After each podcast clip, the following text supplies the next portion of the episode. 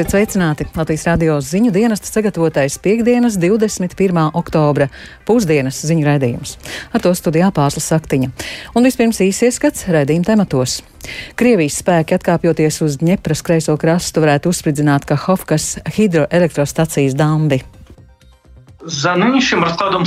Ja Krievi izlems uzspridzināt Kahovkas HES dambi, tad ūdens izlīšana radītu nopietnu apdraudējumu pašiem Krievu spēkiem. Partiju pārstāvi darba grupās turpina apspriest nākamās valdības darbus. Partiju kontrolētās feudālās ministrijas ir ļoti daudz eh, kapitāla sabiedrību. Tas ne tikai rada politikas korupcijas riskus, bet uh, veicina arī to, ka nu, arī prioritātes netiek pārvaldītas tādā pārnozaru griezumā. Bailēs par augstajiem rēķiniem esam sākuši ļoti taupīt elektrību. Kā vēl varam mainīt ikdienas paradumus? Piefiksēt, lai lādētāji nepaliek kontaktā rozetē. Uzvērot teikt, ka nav ūdeni, lieta tik, cik nepieciešams. Telpās, kurās neuzturies, izslēgt gaismu.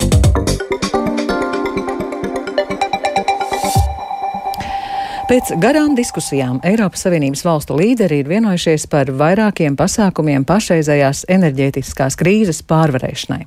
Papildus jau iepriekš izskanējušām idejām par kopīgiem gāzes iepirkumiem, solidaritātes līgumiem un biržas cenu korekcijas mehānismu, secinājumos ir ietverti arī priekšlikumi par cenu griestiem gāzei, kas tiek izmantota elektrības ražošanai un plašāku atbalstu patērētājiem. Samitam Briselē klātienē turpina sekot mūsu korespondents Arķems Konohovs, ar kuru pašlaik esam sazinājušies tiešraidē. Labdien, Arķem! Labdien, Pārsla! Arķem, pastāsti lūdzu, ko tad nozīmē šonakt panāktā vienošanās? Šonakt panāktā vienošanās eh, nozīmē, ka ir dots skaidrs signāls no dalību valstu līderiem, premjeriem, prezidentiem, kancleriem, kā ir jāturpina iet uz priekšu kādas soļi ir izpildami un kas nav izpildams. Un šeit eh, droši vien lielākais, eh, ja ne pārsteigums, bet nu, tomēr tās progress eh, ir jautājums par šiem cenu griestiem elektrībai, tas ir gāzei, kas tiek izmantot elektrības ražošanai, lai samazinātu elektrības cenas. Iepriekš pret šo mehānismu diezgan nopietni iebilda Nīderlanda un arī Vācija, un tas, ka tomēr to ir izdevies iekļaut secinājumos kā vienu no punktiem, pie kuriem vajadzētu strādāt, tas jau ir nopietns solis uz priekšu. Protams, skatīsimies, kāda būs tad konkrētie priekšlikumi, kas nāks no Eiropas komisijas vēlāk un ko apspriedīs arī enerģētikas ministri, bet tas ir viens no tādiem punktiem, kas, ko varētu uzskatīt par pietiekami pietiekami lielu progresu. Tam varētu būt eh, atšķirīga ietekme. Tas eh, labi strādā eh, Pireneja pussalā, kur ir diezgan daudz atjaunojamo energoresursu un gāzi elektrības ražošanai tiek izmantota salīdzinoši maz. Savukārt tādās valstīs kā Nīderlanda, kur pārsvarā ir gāze, un tur tad varētu rasties krietni vairāk jautājumu par to, vai šāda schēma varētu būt vispār dzīvot spējīga un nestu jebkādus rezultātus. Un, tāpat, protams, otrs svarīgs punkts ir plašāks atbalsts patērētājiem. Arī par šo nebija nekādas vienprātības līdz šim, vai vajadzētu izmantot Eiropas Savienības līdzekļus, lai palīdzētu uzņēmumiem, lai palīdzētu iedzīvotājiem. Un līdz šim tas ir atstāts vairāk dalību valstu ziņā, bet mēs zinām, ka Vācijas valdības plāns izmantot 200 miljārdus eiro savu uzņēmumu atbalstam ir izraisījis pietiekami lielu kritiku un tiek runāts par to, ka konkurences nosacījumi Eiropā šādi tiek kropļoti, tāpēc arvien vairāk tiek runāts par to, ka varētu būt tomēr arī kaut kādi mehānismi, kas būtu vienoti Eiropā un kas būtu pieejami visās valstīs, lai tomēr uzņēmumi atrastos vienādos konkurences nosacījumos. Arķem, sanāksme turpinās arī šodien, un par ko tad spriež 27 valstu politiķi? Šodien tiek spriests par, vienkārši sakot, visu pārējo, kas ir dienas kārtībā, un diskusijas ir sākušās par strateģiskām attiecībām ar Ķīnu. Ir zināms, ka šis jautājums ir pietiekami jūtīgs, tamdēļ dalību valstu līderiem ir likts atstāt savus mobilos telefonus ārpus telpas. Tā tas notiek tieši situācijās, kad tiek runāts par kaut ko tiešām, tiešām jūtīgu un kad uh, ir vēlme, lai tiešām politiķi arī koncentrētos uz šo diskusiju. Savukārt pēc tam, protams, tiks runāts arī par Ukrainu, par iespējamām sankcijām, arī tostarp pret Baltkrieviju, lai ar Baltkrieviju nevarētu ievest lietas, ko Krievijai ir aizliegts pārdot. Tad, tad arī šis ir viens no būtiskiem jautājumiem, un arī Baltijas valstis ir jau publiski izteikušās un arī runās klātienē Baltijas valstu premjeri un prezidenti par to, ka ir nepieciešams izveidot tribunālu Ukrainas kara noziegumu izmeklēšanai. Par šo pagaidām arī nav vienprātības, tāpēc Baltijas valstis mēģinās popularizēt šo ideju. Paldies Atjams Kanahovs par Eiropas Savienības samitu Briselē. Krievijas karš Ukrainā un Krievijas radītais izaicinājums Eiropas un transatlantiskajai drošības arhitektūrai ir centrālie jautājumi arī šodien un rīt notiekošajā drošībai un ārpolitikai veltītajā formā Rīgas konference. Tajā diskutēs arī par Latvijas vēlmi kandidēt uz ANO drošības padomes nepastāvīgā locekļa statusu un to, ko tas varētu sniegt Latvijai. Ārlietu ministrs Edgars Inkevičs no jaunās vienotības Latvijas rādio skaidroja, ka, ka galveno tematu vidū būs arī Baltijas jūras un Baltijas valstu drošība. Sevišķi ņemot vērā to, ka divas valsts šobrīd ir pievienošanās procesā NATO, tā ir Zviedrija un Somija. Jā, būs arī diskusija, protams, kādā veidā vēl varētu atbalstīt Ukrainu, kādā veidā vēl varētu tomēr skarbāk vērsties pret Krievijas un, es teiktu, arī Baltkrievijas agresiju pret Ukrainu un, protams, arī kā stiprināt nu, to vienotību, kas šobrīd, neskatoties uz varbūt vienu otru niansi, bet tomēr to vienotību, kas rietumos ir. Ja pretīm Krievijas agresijai. Vēl viens aspekts, kas gan ir ļoti būtisks, ko mēs dažreiz šeit, savā reģionā, nenovērtējam, tāpēc ir vērts arī no citām valstīm dzirdēt viedokļus, kas ir tālāk no Eiropas ir tas, ka tādas lietas, kas mums ir pašsaprotamas, Krievijas agresija pret Ukrajinu, tā politika, ko mēs īstenojam, nu, negluži ir saprotama, piemēram, kaut kur Āzijā. Āfrikā, Latvijā, un tas ir jautājums, kā skaidrot to, kas notiek šeit, kā arī pretoties tam Krievijas narratīvam. Arī šāda veida diskusijai ir vieta. Tā ārlietu ministrs Edgars Inkevičs.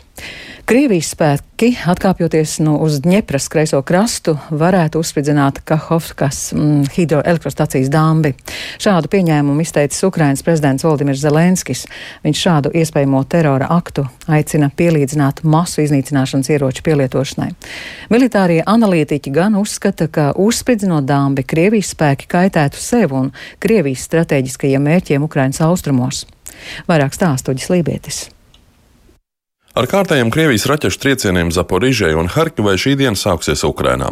Sākotnējā informācija liecina, ka uzbrukumos ievainojums ir guvuši aptuveni desmit cilvēku. Taču kārtīgi reizi ir bojāta infrastruktūra un palielināts spiediens uz avārijas dienestiem, kuri pēdējās dienās jau tā ir pamatīgi noslogoti, labojot nedēļas sākuma uzbrukumos ievērojami bojāto elektroapgādes infrastruktūru.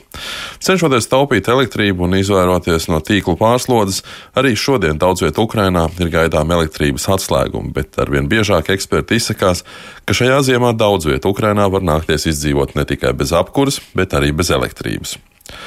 Bet turpinoties diskusijām par Krievijas spēku aiziešanu no Helsinas pilsētas un uz laiku ieņemtajām Dņepras upes labāk rast teritorijām, joprojām aktuāls ir jautājums par vēl vienu ļoti nozīmīgu energoinfrastruktūras objektu. Tā ir Helsinas tūmā esošā Kahovkas hidroelektrostacija un tās dambis.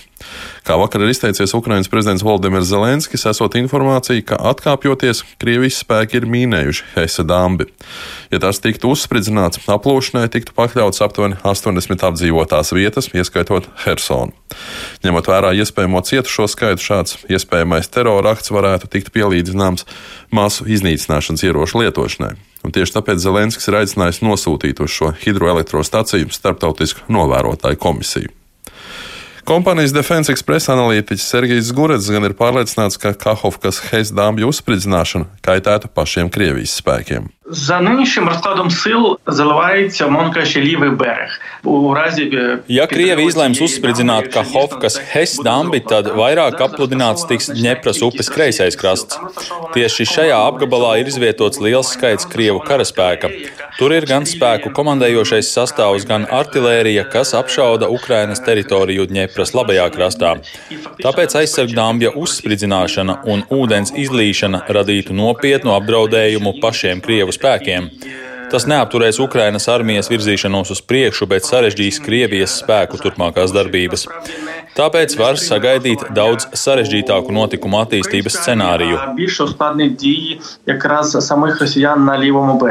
Dmitrijs Gurets arī norāda, ka Kahovkas dambja uzspridzināšana nopietni apdraudētu arī Zaporīžas atomelektrostacijas darbību, jo ūdens no Kahovkas ūdenskrātuves ir nepieciešams energobloku dzēsēšanai. Arī Volodimirs Zelenskis ir piebildes, ka iznīcinot Kahovkas Hesdāmbi tiktu iznīcināts ar iespējas piegādāt ūdeni anektētajai Krīmas pussalai. Tieši šī kanāla atbrīvošana un ūdens piegādes nodrošināšana vienmēr ir bijis viens no Krievijas strateģiskajiem mērķiem Ukrainas dienvidos. Ukrainas prezidents uzskata, ja Krievija tomēr izdomā dāmas spridzināt, tad viņi ļoti apzinās, ka neizdosies noturēt ne tikai Hersonu, bet arī visu Ukrainas dienvidus un pat Krīmu. Tikmēr ārvalstu eksperti uzskata, ka Ukrainai nākamo sešu nedēļu laikā ir iespēja loks izcīnīt nozīmīgus panākumus kaujas laikā, potenciāli arī atkarojot Hersonu. Uz masveidīgu Krievijas spēku sabrukumu gan cerēt nesot pamata, taču atsevišķas vienības pastiprinātās piedienu dēļ varētu neizturēt. Šādu viedokli amerikāņu analītiķi izteikuši laikrakstam The New York Times.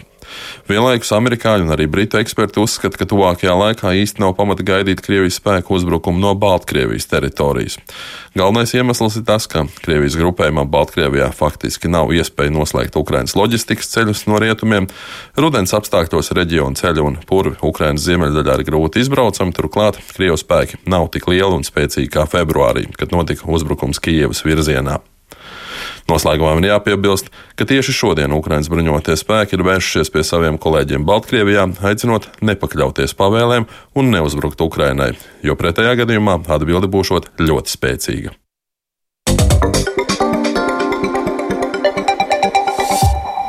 Augstā elektroenerģijas cena mudina iedzīvotājus taupīt, lai samazinātu rēķinus. Tas atspoguļojas arī būtiskā kopējā elektroenerģijas patēriņa sarukumā. Septembrī, salīdzinot ar pagājušā gada septembri, kopējais Latvijas elektroenerģijas patēriņš sarucis par 10% un ir zemākais pēdējos piecos gados. Linda Zalāna skaidro, kā cilvēki taupa un kā vēl var mainīt ikdienas paradumus. Labdien! No Latvijas radio ziņu dienesta žurnālista Linda Zalāna. Sakiet, lūdzu, vai ikdienā kaut ko esat mainījusi paradumos attiecībā uz elektrības patēriņu? Īpaši neesmu neko mainījusi. Es tāpat jau taupīgi esmu iepriekš dzīvojusi un rūpējusies par to, lai man tas rēķins nav lielāks. Es vienkārši vairāk nevaru izdarīt. Kā tas ir taupīgi dzīvojis? Nu, tas piemēram. ir piefiksēt, lai lādētāji nepaliek kontaktā ar rozetē vai attiecīgi arī uzvērot tai, ka nav ūdeni liet tik, cik nepieciešams, nevis mm -hmm. vairāk. Telpās, kurās neuzturies, izslēgt gaismu. Visu mūžu taupu. Ko jūs darat? Kādi ir jūsu taupības nu, pasākumi? Kā, nu, vienā istabā dzīvoties, tur nav elektrības. Tagad to uzmanīgi pa visu. Es vienu lampiņu un viens dators man vairāk nekā nav leduskapis. Pat televizoru neslēdz. Rauj ārā no kontaktiem. Teika, nu, uh, telefonam vadu. Kaut kur dzirdējāt to, ja, ka tas ir? Jā, es pat lasīju, ka, ja rauj ārā televizoru, tad tas vairāk patērē elektrību, slēdzot atpakaļ, kamēr viņš visu salādē atpakaļ. Tāpēc es to vairs neslēdzu ārā. Cilvēku ikdienas mazie solīši un darbības elektrības taupīšanā atspoguļojas arī vērā ņemamā kopējā elektroenerģijas patēriņa sarukumā. Akcijas sabiedrības Latvijas energo pārdošanas direktors Uldis Mucenieks stāsta, ka septembrī Latvijā būtiski samazinājies elektroenerģijas patēriņš, sasniedzot zemāko līmeni kopš 2017. gada jūnija. Septembrī iedzīvotāji elektrību patērēja par 6,8% mazāk nekā augustā un gandrīz gandrīz par 10% mazāk nekā pagājušā gada septembrī. Mūcinieks uzsver, ka šāds patēriņa samazinājums ir gana nozīmīgs un saistīts ar energoefektivitātes un taupības pasākumiem. Un līdz ar to mēs esam panākuši arī dzen, visticamākais zemāku elektroenerģijas cenu septembrī nekā tad, ja mēs varbūt būtu tērējuši viņu atbilstoši ierastajiem apjomiem, kā tas bija piemēram gadu atpakaļ. Tāpat patēriņa izmaiņas saistāmas ar iepriekš novēroto elektroenerģijas cenu pieaugumu. August augustā tika sasniegta vēsturiski augstākā vidējā mēneša elektroenerģijas cena kopš tirgus atvēršanas, kas septembrī pēc rēķina saņemšanas lika meklēt iespējas patēriņu samazināt. Mūcinieks pauž, ka taupības pasākumi ir dažādi un katram savi. Skatoties uz septembrī, tas noteikti varētu būt e, saistīts ar piesardzīgāku apkuras sistēmu lietošanu, ar, ar, apgaismojumu lietošanu, gan e, laikam tepat vairāk varbūt jāuzsver ir publiskās telpas, kurās esam novērojuši, ka nu, tiek samazināta apgaismojuma intensitāte. Nu, kā piemēram var arī minēt, nu, ka piemēram atsevišķi izniecības centri ir saīsinājuši savas darba stundas arī tādējādi veidojot pienesumu šī ietaupītā elektroenerģijas apjomam. Rīgas Tehniskās universitātes elektrotehnikas un vides inženierzinātņu fakultātes asociētā profesore Laila Zemīte uzsver, ka vairāk kārtīgas elektrības cenas pieaugums patiesi stimulē iedzīvotājus domāt par taupīšanu un vieglākais veids, kā to darīt, ir samazināt patēriņu. Mājasāmniecības var ļoti labi samazināt domājot, kā efektīvi lietot dažādas elektroierīces, tā skaitā arī apgaismojumā izmantot to jau visiem zināmo ļoti labi LED apgaismojumu, veļas mašīnas, trauku mašīnas darbināt uz kādu zemāku temperatūru, nu pēc iespējas tomēr izraut ārā tos pagarinātājus, arī dažādus telefonu lādētājus un kādus citus dodoties projām, vai arī, nu, tajā brīdī, kad mēs beidzam to mūsu ierīces uzlādi. Attiecībā uz apkuri tur noteikti var domāt par temperatūru, jo viens grāds samazināt temperatūru nozīmē apmēram 5% ietaupījums. Tāpat ir vērts samazināt apkuras temperatūru nakts laikā vai brīžos, kad neviens nav mājās. Un vēl attiecībā uz siltumu ir jāņem vērā siltuma inerce.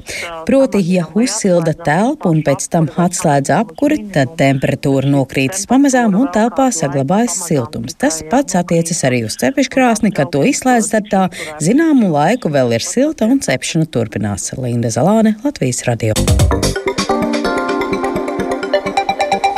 Šodien turpinās jaunās vienotības organizētās koalīcijas veidošanas sarunas darba grupās, lai vienotos par nākamās valdības darbiem dažādās nozarēs. Par tālāko koalīcijas sarunu norisi lielāka skaidrība gaidāma jaunadēļ un vairāk Jāņa Kīņča ierakstā.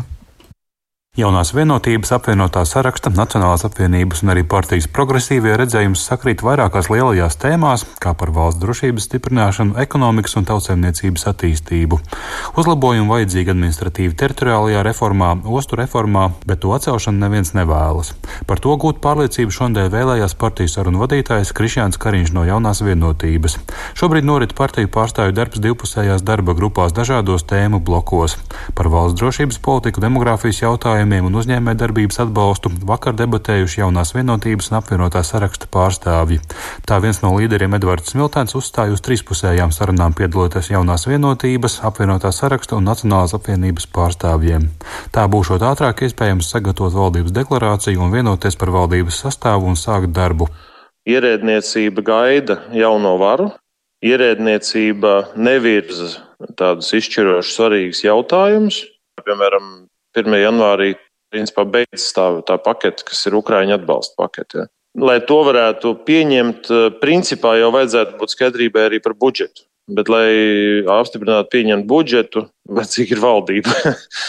nu, tad secība ir valdība, budžets un tālākās politikas, jā, kuras mēs izvēršam. To, jo ātrāk mēs uzliksim valdību, jo mēs arī ātrāk varēsim risināt būtiskas problēmas cilvēkiem. Politoloģis Leldas Metlis Rozentāls vērtējumā no vienas puses šobrīd norit normāls sagatavošanās posms, pirms valsts prezidents aicina kādu sākt oficiālu valdības izveidi.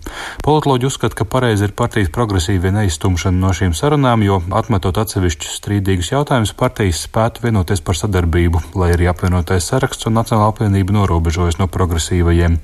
Partiju vēlētājs saprastu sadarbību stabilākas valdības vārdā pārliecināta Metla Rozentāle. Teorija par labu koalīcijas veidošanas praksi saka, ka tad, kad partijas saprot tos savus kopsaucējus un saprot tās lietas, kuras viņi nu, ir spiesti varbūt nolikt malā, tad viņi iet pie saviem partijas biedriem un izskaidro viņiem tos ieguvumus, ko viņi redz, nu, kā tas būs, kāpēc viņi no kaut kā ir atteikušies. Proti, runājot par to, lai mums būtu stabila valdība, lai mums nebūtu iespēja tur vienam otru kaut kā šantažēt vai raustīt, vai ne. Kas ir politika? Politika ir komunikācijas un kompromisu un dialoga māksla. Progresīvie turpinot dalību tematiskajās apspriedēs ar jauno vienotību, piedāvā plašas idejas tematu blokos par ilgspējīgu attīstību un sociālās jomas zemes labklājības tematiem. Viņi piedāvās diskutēt par ilgtermiņa investīcijām atjaunojamos energoresursos, saules un vēja enerģijā, kā arī koksnes un biomasas izmantošanā energoefektivitātes veicināšanai. Transporta jomā galvenais akcents liekams uz dzelzceļa attīstību un multimodālu staciju izveidi. Tāpat progresīvie vēlas piedāvāt būtisku pārvaldes izmaiņu valsts kapitāla sabiedrībās, stāsta progresīvo viens no līderiem Kaspars Briškens. Mūsu piedāvājums eh, noteikti ir valsts kapitāla sabiedrības ņemt ārā no nozara ministrijām un konsolidēt vienotā pārvaldības institūcijā tiešā ministra prezidenta pāraudzībā. Redzam, ka partiju kontrolētās feudālās ministrijas lielā mērā veidojās tāpēc, ka ministrijās īpaši saimnieciski ietekmīgajās, tā saucamajās bagātajās ministrijās ir ļoti daudz eh, kapitāla sabiedrību ar milzīgiem investīciju budžetiem, struktūra fondiem, nereti tas ne tikai rada politkorupcijas riskus, bet uh, veicina arī to, ka nu, arī prioritātes netiek pārvaldītas tādā pārnozaru griezumā. Priškens neslēpja, ka savas idejas progresīvie aizvien vēlas pārstāvēt valdības darbā, taču labām idejām nesot patentu tiesību, tāpēc gatavi tās piedāvāt valdībai arī esot opozīcijā. Viņš tic, ka daudz iespējams īstenot arī darbā saimas komisijās. Par tālāko koalīcijas sarunu norisi lielāku skaidrību gaidām jaunadēļ pēc valsts prezidenta un premjera tikšanās. Jānis Kincis, Latvijas radio. Un programmas izskaņā vēl par zāļu pieejamību. Pēdējos piecos gados Latvijā inovatīvo medikamentu skaits pieaudzis par 300%, taču to pieejamība aizvien ir ļoti ierobežota. Kāpēc to centās noskaidrot Kristaps Feldmanis? Kopš 2018. gada, kad Latvijā bija pieejams 31 inovatīvais medikaments, piecu gadu laikā to skaits palielinājies trīs reizes, un šogad Latvijā pieejams jau 99 jaunas nesen izgudrotas zāles. To parāda Starptautisko inovatīvo farmaceitisko firmu asociācijas pasūtīts pētījums. Šis skaits gan vēl joprojām ir mazāks nekā Lietuvā un Igaunijā, un Starptautisko inovatīvo farmaceitisko firmu asociācijas direktors Walters Bolevits uzteica lielo kāpumu, taču uzsver tieši onkoloģijas jomā inovatīvo medikamentu piesaistību iesaistīšana Latvijas tirgumā aizvien sokas ļoti slikti. Tieši onkoloģijas jomā Latvijā pieejami 46 inovatīvie medikamenti, bet Lietuvā un Igaunijā 57. Turklāt pat mūsu kaimiņu rādītāji krietni atpaliek no pārējās Eiropas, turpina Bolevits. No 17. līdz 20. gadam zinātnieki izgudroja un Eiropā reģistrēja 41 jaunu medikamentu onkoloģijas jomā. No šiem medikamentiem Latvijā ir pieejami seši produkti. Vienlaikus neviens no šiem produktiem nav pieejams pilnā apjomā. Līdzīga situācija Eiropā ir tikai Kiprā un Bosnijā. Un tāpēc arī mums ir viena no lielākajiem rādītājiem Eiropas līmenī, ne tikai Eiropas Savienības līmenī, no pacientu līdzmaksājiem tieši par medikamentiem. Un pirmās vietas neglēmojošos rādītājos Latvija ieņem arī citās jomās, piemēram, nulekā izveidotajā vēža nevienlīdzības reģistrā. Melanomas pacientu organizācijas soli priekšā melanomai, kā arī onkoloģijas pacientu organizāciju apvienības Onko alianse valdes priekšsādātāja Olga Valciņa rāda reģistra datus datus un skaidro. Vēl sliktāki rādītāji nekā Latvijai ir vien Slovākijā, Horvātijā un Ungārijā. Savukārt tepat netālu esošā Somija ir viena no pirmrindniecēm. Valciņu uzsver liela ārtava Somijas labajos rādītājos līdztekus diagnostikas un zināšanu līmenim ir arī medikamentu pieejamībai. Valciņa skaidro, šobrīd Latvijā daudzos gadījumos inovatīvie medikamenti pieejamāki ir tiem, kuri tiek ārstēti pirmreizēji, taču nereti šāda pieeja ir absurda. Piemēram, ir daudz inovatīvo preparātu, kurus vajadzētu lietot otrajā tūrē. Vispirms izmēģināt vienas zāles, kuras varbūt izmaksā lētāk, un tad, ja tas nelīdz, pāriet uz nākošo. Tas, ko mēs darām šobrīd, ieguldam naudu, izmēģinam pirmo līniju, bet ja viņam nelīdz, viņš jau ir iepriekš ārstēts, un viņam vairs nevar nomainīt pret citām zālēm. Tāpat ir virkne gadījumu, kuros inovatīvie medikamenti pierādīti cīņā pret dažādiem vēža veidiem, bet valsts apmaksā tikai viena vēža veida ārstēšanu. Ja tas ķeksītis nebūs pretī viņa diagnozē ierakstīts, tad tam cilvēkam nebūs cerību saņemt šīs zāles valsts apmaksātas. Kopumā situācija pakāpeniski uzlabojas, tā uzsver Nacionālā veselības dienesta pārstāve Sintīja Gulbe.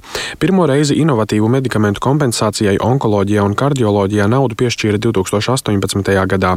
Šajos gados finansējums ir pieaudzis no sākotnējiem 8 līdz aptuveni 40 miljoniem eiro šogad. Dienests aprēķinājis, ka, lai nosaktu visas akūtās nepieciešamības, nepieciešamības kompensējumu zāļu sarakstā jaunām zālēm, nosacījumu palielināšanai, jaunu diagnožu iekļaušanai un kompensācijas apmēru palielināšanai būtu nepieciešami vairāk nekā 90 miljoni eiro, taču šobrīd šādas naudas dienas rīcībā nav. Kristaps Feldmanis, Latvijas radio. Un ar to izskan pusdienas ziņu raidījums producents Edgars Kupčs, ierakstus montēja Kaspars Groskops, par labskaņu rūpējās Katrīna Bramberga, ar jums runāja Pārsla Saktiņa.